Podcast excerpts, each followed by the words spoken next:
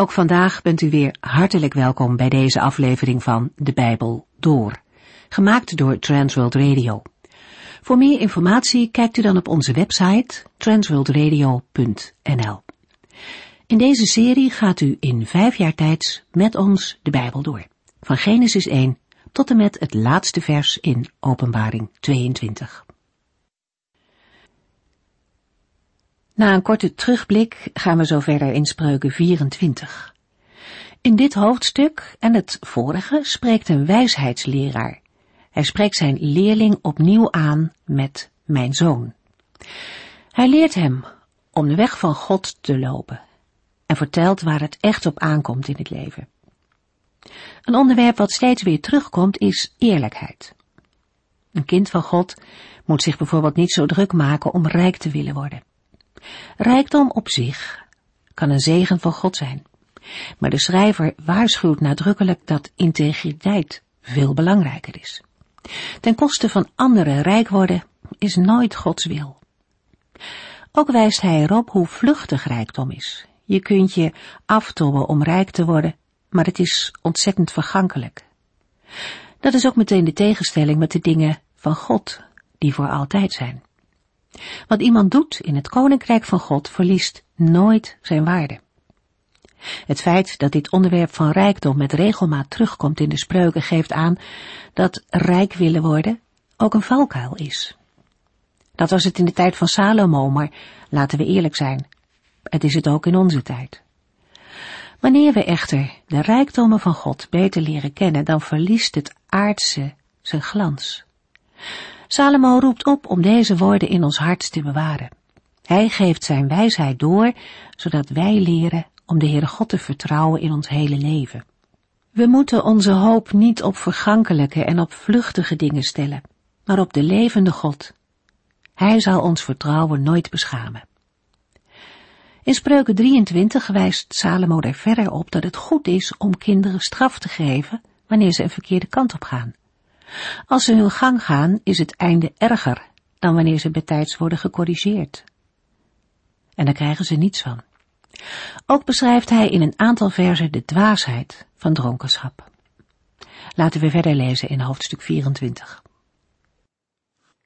In spreuken 24 vers 1 tot en met 22 vinden we de spreuken nummer 19 tot en met 30 uit de bundel 30 spreuken van de wijze waarmee we in de vorige uitzending zijn begonnen. Spreuken 24 is dan ook verbonden met spreuken 23. De wijsheidsleraar of vader spoort zijn leerling of zoon aan niet jaloers te zijn op boosdoeners en zich van hen afzijdig te houden. Spreuken 24 vers 1 en 2. Wees niet jaloers op de boosdoeners en houd je afzijdig van hen. In hun hart huist verwoesting en hun woorden klinken onheilspellend. De wijsheidsleraar spoort de jongeren aan niet jaloers te zijn op dwazen of boosdoeners. Hij moet er niet naar verlangen bij hen te zijn. Hun hart beraamt verwoesting en geweld, hun lippen spreken van onheil.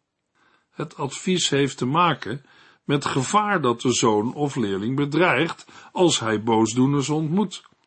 Dan kan hij door hun houding onder de indruk raken besmet worden en deel gaan uitmaken van hun leefwereld. Maar de leerling of zoon moet beseffen dat hij hiermee alleen zichzelf treft. Psalm 73 gaat over hetzelfde onderwerp als Spreuken 24 vers 1 en 2. Asaf schrijft in Psalm 73 vers 2 tot en met 4 en 9 Wat mijzelf betreft, bijna had ik het rechte pad verlaten Bijna was ik uitgegleden. Dat komt doordat ik jaloers was op de trotse mensen, toen ik zag hoe voorspoedig de ongelovigen leefden. Zij lijken geen problemen te kennen, ook lichamelijk niet. Ze zetten een grote mond op tegen God en verachten de mensen. Asaf was over wat hij zag in verwarring. Mogelijk dat u dezelfde ervaringen hebt opgedaan. Het had Asaf in ieder geval zo te pakken dat hij moet zeggen, bijna had ik het rechte pad verlaten. Bijna was ik uitgegleden. In spreuken 24 pakt Salomo dezelfde zaak op. Wees niet jaloers op de boosdoeners en houd je afzijdig van hen. Luister, als wij vandaag naar de wereld om ons heen kijken, zien wij heel veel onrecht, verdrukking en ellende. Zeker, we kunnen het voor deze mensen opnemen, er tegen protesteren. Ook christenen kunnen niet passief blijven afwachten. Toch moeten wij mensen vaak zeggen: wat kunnen wij eraan doen? En hoe kunnen wij helpen bij de oplossing? De oorzaak voor de meeste problemen zijn verbonden met een dieper liggend probleem. Want het echte probleem is het hart van de mens zelf. Het hart van ieder mens moet veranderd worden. In het Bijbelboek Hebreeën lezen we in Hebreeën 4 vers 13 God weet alles over iedereen. Alles in en om ons ligt open en bloot voor zijn ogen. Niets kan verborgen blijven voor hem, aan wie wij verantwoording moeten afleggen voor alles wat wij hebben gedaan.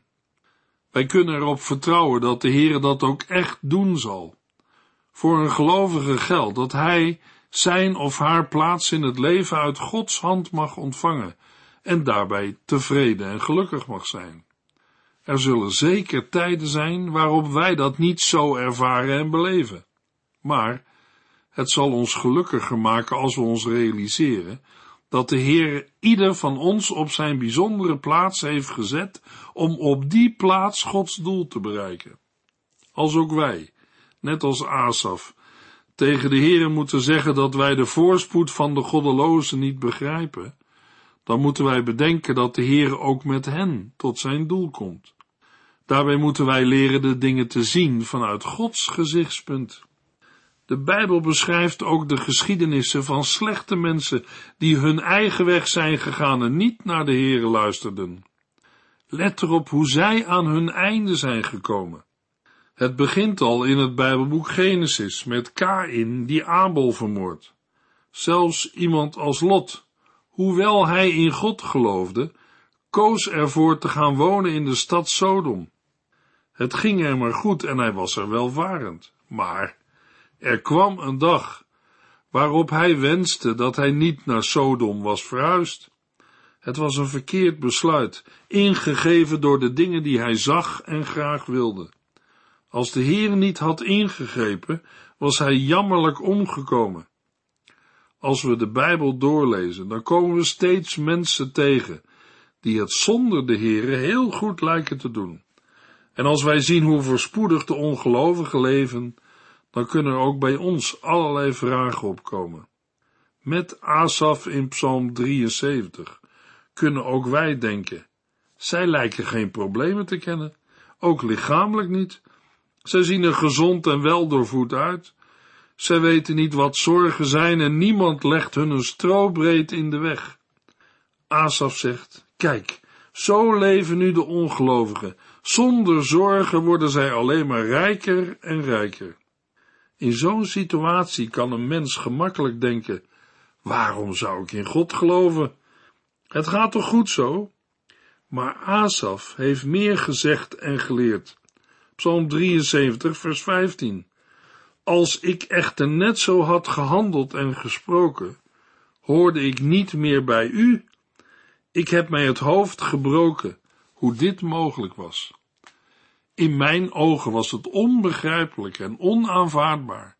Maar uiteindelijk ging ik Gods huis binnen en zag hoe het met de ongelovigen afliep. In Psalm 73, vers 26 komt Asaf tot een persoonlijk getuigenis. Ondanks zijn vragen en worstelingen kan hij niet anders dan beleiden. Voor eeuwig houdt hij mij vast. Spreuken 24, vers 3 en 4. Een huisgezin wordt opgebouwd met wijsheid en door verstand in stand gehouden. Inzicht en bedachtzaamheid vullen het met liefde en kostbaarheden. Na de waarschuwing om niet op een verkeerde manier rijk te willen worden, geeft de wijsheidsleraar aan op welke manier een mens wel bezit moet opbouwen. Een huisgezin wordt door wijsheid gebouwd en door verstandig gedrag bevestigd. Door inzicht en bedachtzaamheid wordt het huis gevuld met liefde, aangename dingen en allerlei kostbare bezittingen. Door zaken als wijsheid, verstand en kennis is iemand in staat situaties te overzien en zijn leven goed te organiseren. Hij gedraagt zich niet als een luiaard of een dwaas. Zijn verstandige optreden zorgt ook voor samenhang in de familie en in de omgeving. Als voorbeeld dient de goede en krachtige vrouw die haar huis bouwt door wijsheid. Deze positieve levenshouding komt voort uit eerbiedig ontzag voor de Heere. Spreuken 24 vers 5 en 6 Een verstandig man bezit een sterke geest en inzicht is belangrijker dan brute kracht. Want door goed overleg kun je de oorlog in jouw voordeel beslissen. Betrouwbare adviseurs zijn de basis van de overwinning. Iemand die de genoemde wijsheid kent en in praktijk brengt, is sterk en laat zien dat hij mentaal sterk is. De spreuk sluit aan bij spreuken 21 vers 22, waar de kracht van een wijze is genoemd, en vermeld wordt dat de sterkste steden en mannen door wijsheid worden overwonnen. Uit vers 6 blijkt dat de kracht van een verstandig man niet in de eerste plaats fysiek is. De wijze voert de strijd met overleg en door veel raadgevers behaalt hij de overwinning. In algemene zin, want niet iedereen voert oorlog, betekent dit dat een mens door goed overleg zaken in zijn of haar voordeel kan beslissen. Wijsheid uit zich in een strategisch inzicht en bereidheid te luisteren naar adviezen. Adviezen en goede raad hoeven niet gelijk als een bedreiging te worden gezien. Spreuken 24 vers 7 Een dwaas gaat alle wijsheid boven de pet, daarom zwijgt hij in besprekingen. Een dwaas beschikt niet over de kwaliteit om als wijze op te treden, en dat wordt door de omgeving onderkend. Iemand die destructief is voor de gemeenschap, verwerft zich geen positie op de plaats waar recht wordt gesproken. De vertaling van het boek is in vers 7 meer algemeen vertaald. In de Hebreeuwse tekst vinden we voor de vertaling een dwaas zwijgt in besprekingen. Hij zal in de poort zijn mond niet open doen. In de poort is een aanduiding voor de plaats waar in de tijd van de Bijbel de rechtspraak plaatsvond. Spreuken 24 vers 8 en 9. Wie van plan is iets verkeerds te doen, wordt uitvinder van schandelijke verzinsels genoemd. De gedachten van een dwaas zijn zonde. De mens verafschuwt een spotter. Het gaat in vers 8 om iemand die op een berekenende wijze ten behoeve van eigen voordeel bezig is en daarbij niets en niemand ontziet.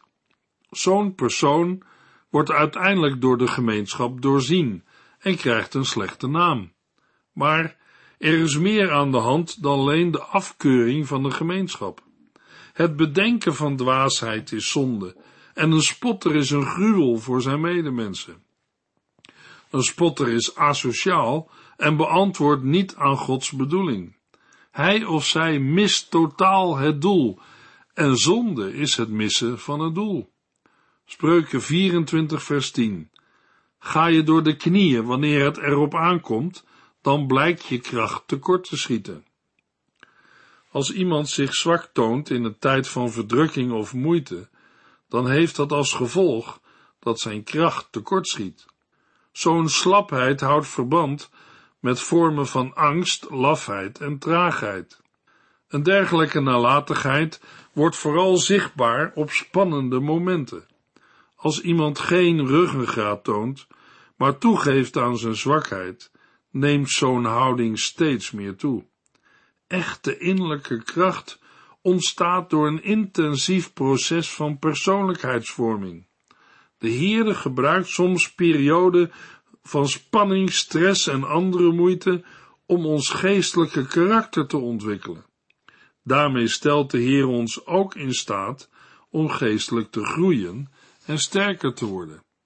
Het kan voor een gelovige een grote troost zijn te weten dat veel van Gods kinderen bij moeite en dreiging als eerste reactie zich omkeerden en wegrenden. Elia was moedig geweest op de berg Karmel, maar toen hij hoorde dat Izebel, de bedoeling had hem te vermoorden, ging hij er vandoor en vluchtte de woestijn in. Bij Persheba liet hij zijn knecht achter en trok alleen de woestijn in.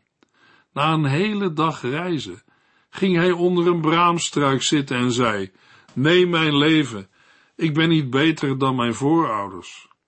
Ook in het leven van David zijn zulke momenten aan te wijzen. Toen hij door koning Saul werd opgejaagd, had hij geen ogenblik rust. David werd ontmoedigd. In Psalm 42, vers 10 zegt hij: Ik zal God mijn rots vragen, waarom vergeet u mij? Waarom moet ik te neergeslagen rondlopen, onderdrukt door mijn tegenstanders? In vers 12 vraagt hij het nog een keer: Waarom ben ik toch zo onrustig en te neergeslagen? En zijn antwoord is: Ik wil op God vertrouwen. Eens zal ik hem zeker weer loven, want hij is mijn bevrijder en mijn God. In de situatie zelf was het met Davids vertrouwen slecht gesteld. Maar David weet ook eens zal ik hem zeker weer loven, want hij is mijn bevrijder en mijn God. Luisteraar, kunt u dat ook zeggen? Gods uitreddingen geven moed, houvast en kracht. Spreuken 24, vers 11 en 12. Bevrijd hen die weggeleid worden om gedood te worden. Doe alles om hun leven te redden. Als je zegt, ik kan er ook niets aan doen, zal God, die de harten ziet en de diepste beweegredenen kent, dan niet beter weten? Want God zal de mensen vergelden naar wat zij hebben gedaan. Hier wordt uitgegaan van een situatie waarin mensen, waarschijnlijk door toedoen van boosdoeners, in levensgevaar verkeren. De wijsheidsleraar roept op alles in het werk te stellen hen te redden. De oproep klinkt om moed te tonen en om onschuldige slachtoffers te redden uit de handen van moordenaars. Als iemand daarbij de risico's uit de weg gaat en daardoor geen gehoor geeft aan de oproep en later zich verontschuldigt met de woorden ik kon het niet voorkomen of ik kon er ook niets aan doen, dan moet hij weten dat de Heere precies weet wat er in zijn hart is omgegaan. De wijsheidsleraar stelt de retorische vraag of God die de harten en de daarin aanwezige motieven doorgrondt, dit niet zal doorzien. Als een medemens tegen wie wordt gelogen het niet doorheeft, is er ook een goddelijke beoordeling. Gods vermogen alles te overzien en zijn rechtvaardigheid zorgen ervoor dat geen leugen ongestraft blijft waarbij we moeten bedenken dat de vergelding niet altijd plaatsvindt in dit leven, maar zich ook uitstrekt in het leven na de dood. Indirect wordt de toehoorder opgeroepen sterk te zijn in gevaarlijke situaties en niet te liegen. Spreuken 24, vers 13 en 14. Eet honing, mijn zoon, want die is goed en smaakt zoet. Net zo zoet is de wijsheid voor jou. En als je je die wijsheid eigen maakt, wacht je een beloning. Je hoop op God is dan niet te vergeefs. Vers 13 wordt gebruikt als een metafoor om de aansporing in vers 14 te ondersteunen. De zoon moet voor zichzelf die wijsheid eigen maken.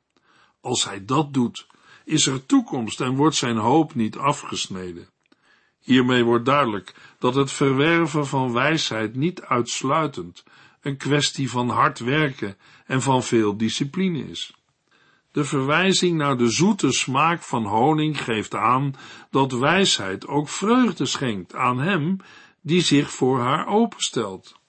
Dit wordt veroorzaakt door de perspectieven die de wijsheid biedt. Zoals het naleven van de Torah vreugde verschaft, gebeurt dit ook bij het zoeken naar wijsheid. Spreuken 24, vers 15 en 16. Goddeloze, loer niet op de rechtvaardige Gebruik geen geweld tegen zijn woonplaats, want de rechtvaardige kan vaak vallen, maar zal net zo vaak weer opstaan. De goddelozen zullen echter over hun eigen wandaden struikelen. De boosdoener of goddeloze wordt ervoor gewaarschuwd dat hij geen geweld mag gebruiken tegen de woonplaats van de rechtvaardige. De reden voor het nalaten is, een rechtvaardige kan vaak vallen, maar zal net zo vaak weer opstaan. Goddelozen zullen struikelen over hun eigen wandaden. Met deze, in eerste instantie tot de goddelozen gerichte woorden, geeft de wijsheidsleraar indirect aan hoe de Heere de rechtvaardige in alle omstandigheden beschermt. God regeert. Spreuken 24 vers 17 en 18 Wees niet blij wanneer je vijand ten val komt. Voel geen vreugde wanneer hij struikelt, want als de Heere dat ziet, kan hij daar boos om worden en zijn toorn van je vijand afnemen. De 28ste spreuk van de dertig spreuken van de wijze heeft als inhoud: Wees niet blij over de val van uw vijand. Als de Heer een dergelijke vreugde over het leed van een vijand ziet, is dat kwaad in zijn ogen en zal hij zijn boosheid tegenover de vijand kunnen laten varen. De tekst sluit gedeeltelijk aan bij Spreuken 20 vers 22, waar wordt gewaarschuwd het recht niet in eigen hand te nemen, omdat de Heere zal vergelden. Vers 17 gaat een stap verder, doordat het ieder onwaardig gevoel veroordeelt. Het is mogelijk dat vreugde voortkomt uit verkeerde motieven, zoals haat of wrok. De Bijbel laat een andere weg zien. Er moet steeds een vorm van medelijden met een gevallen vijand zijn. Ongecontroleerde wraakzucht is verwerpelijk in Gods ogen. Dan kan de Heer ervoor kiezen zijn toorn van een vijand af te nemen. Spreuken 24, vers 19 en 20. Wind je niet op over boosdoeners en word niet jaloers op goddeloze mensen, want de boosdoener krijgt geen beloning, en het leven van de goddeloze is maar kort. Op grond van de vorige spreuk zou het misverstand kunnen opkomen dat God door onze negatieve gevoelens onvoldoende opkomt voor rechtvaardigheid. Ook al kan hij zijn oordeel uitstellen, daarmee is niet het laatste woord gesproken. In vers 19 wordt opgeroepen niet jaloers te zijn op goddeloze mensen en je niet op te winden over boosdoeners. Ter onderbouwing van deze aansporing wordt gesteld dat er geen beloning is voor boosdoeners. Ook hun leven is maar kort, waarmee wordt bedoeld dat zij hun vitaliteit langzaam kwijtraken. Het kan soms lijken dat het de boosdoeners goed gaat, maar uiteindelijk vallen zij onder het oordeel van de Heere. Spreuken 24, vers 21 en 22. Koester ontzag voor de Heere en voor de koning, mijn zoon. Sluit je niet aan bij rebellen en opstandelingen, want zij zullen onverwacht vernietigd worden, en wie weet welke straf hun wacht. De laatste spreuk, de dertigste van dit gedeelte, is een oproep om ontzag te hebben voor de Heer en de koning. De koning is er door God en is daarom nauw met hem verbonden. Tevens wordt de zoon of leerling opgeroepen zich niet in te laten met oproerkraaiers of rebellen en opstandelingen. Ter onderbouwing van de oproep wordt het naderende onheil genoemd. De wijsheidsleraar stelt de vraag wie het onheil kent dat zij teweeg brengen. De Septuaginta heeft in vers 21 een uitvoerige tekst over de verantwoordelijkheden en de wraak van de koning. Achter dit gedeelte wordt spreuken 30 vers 1 tot en met 14 geplaatst. En pas daarna hervat de Septuaginta de tekst zoals wij die hebben in onze Nederlandse Bijbels. Spreuken 24 vers 23a. Ook de volgende spreuken zijn afkomstig van wijzen. Het opschrift, ook dit zijn spreuken van de wijzen, markeert de vierde collectie van het spreukenboek. De spreuken zullen door of onder supervisie van Salomo zijn verzameld en opgeschreven. Het gedeelte bestaat uit vijf eenheden. Spreuken 24, vers 23b tot en met 25. Het is verkeerd om in de rechtspraak partijdig te zijn.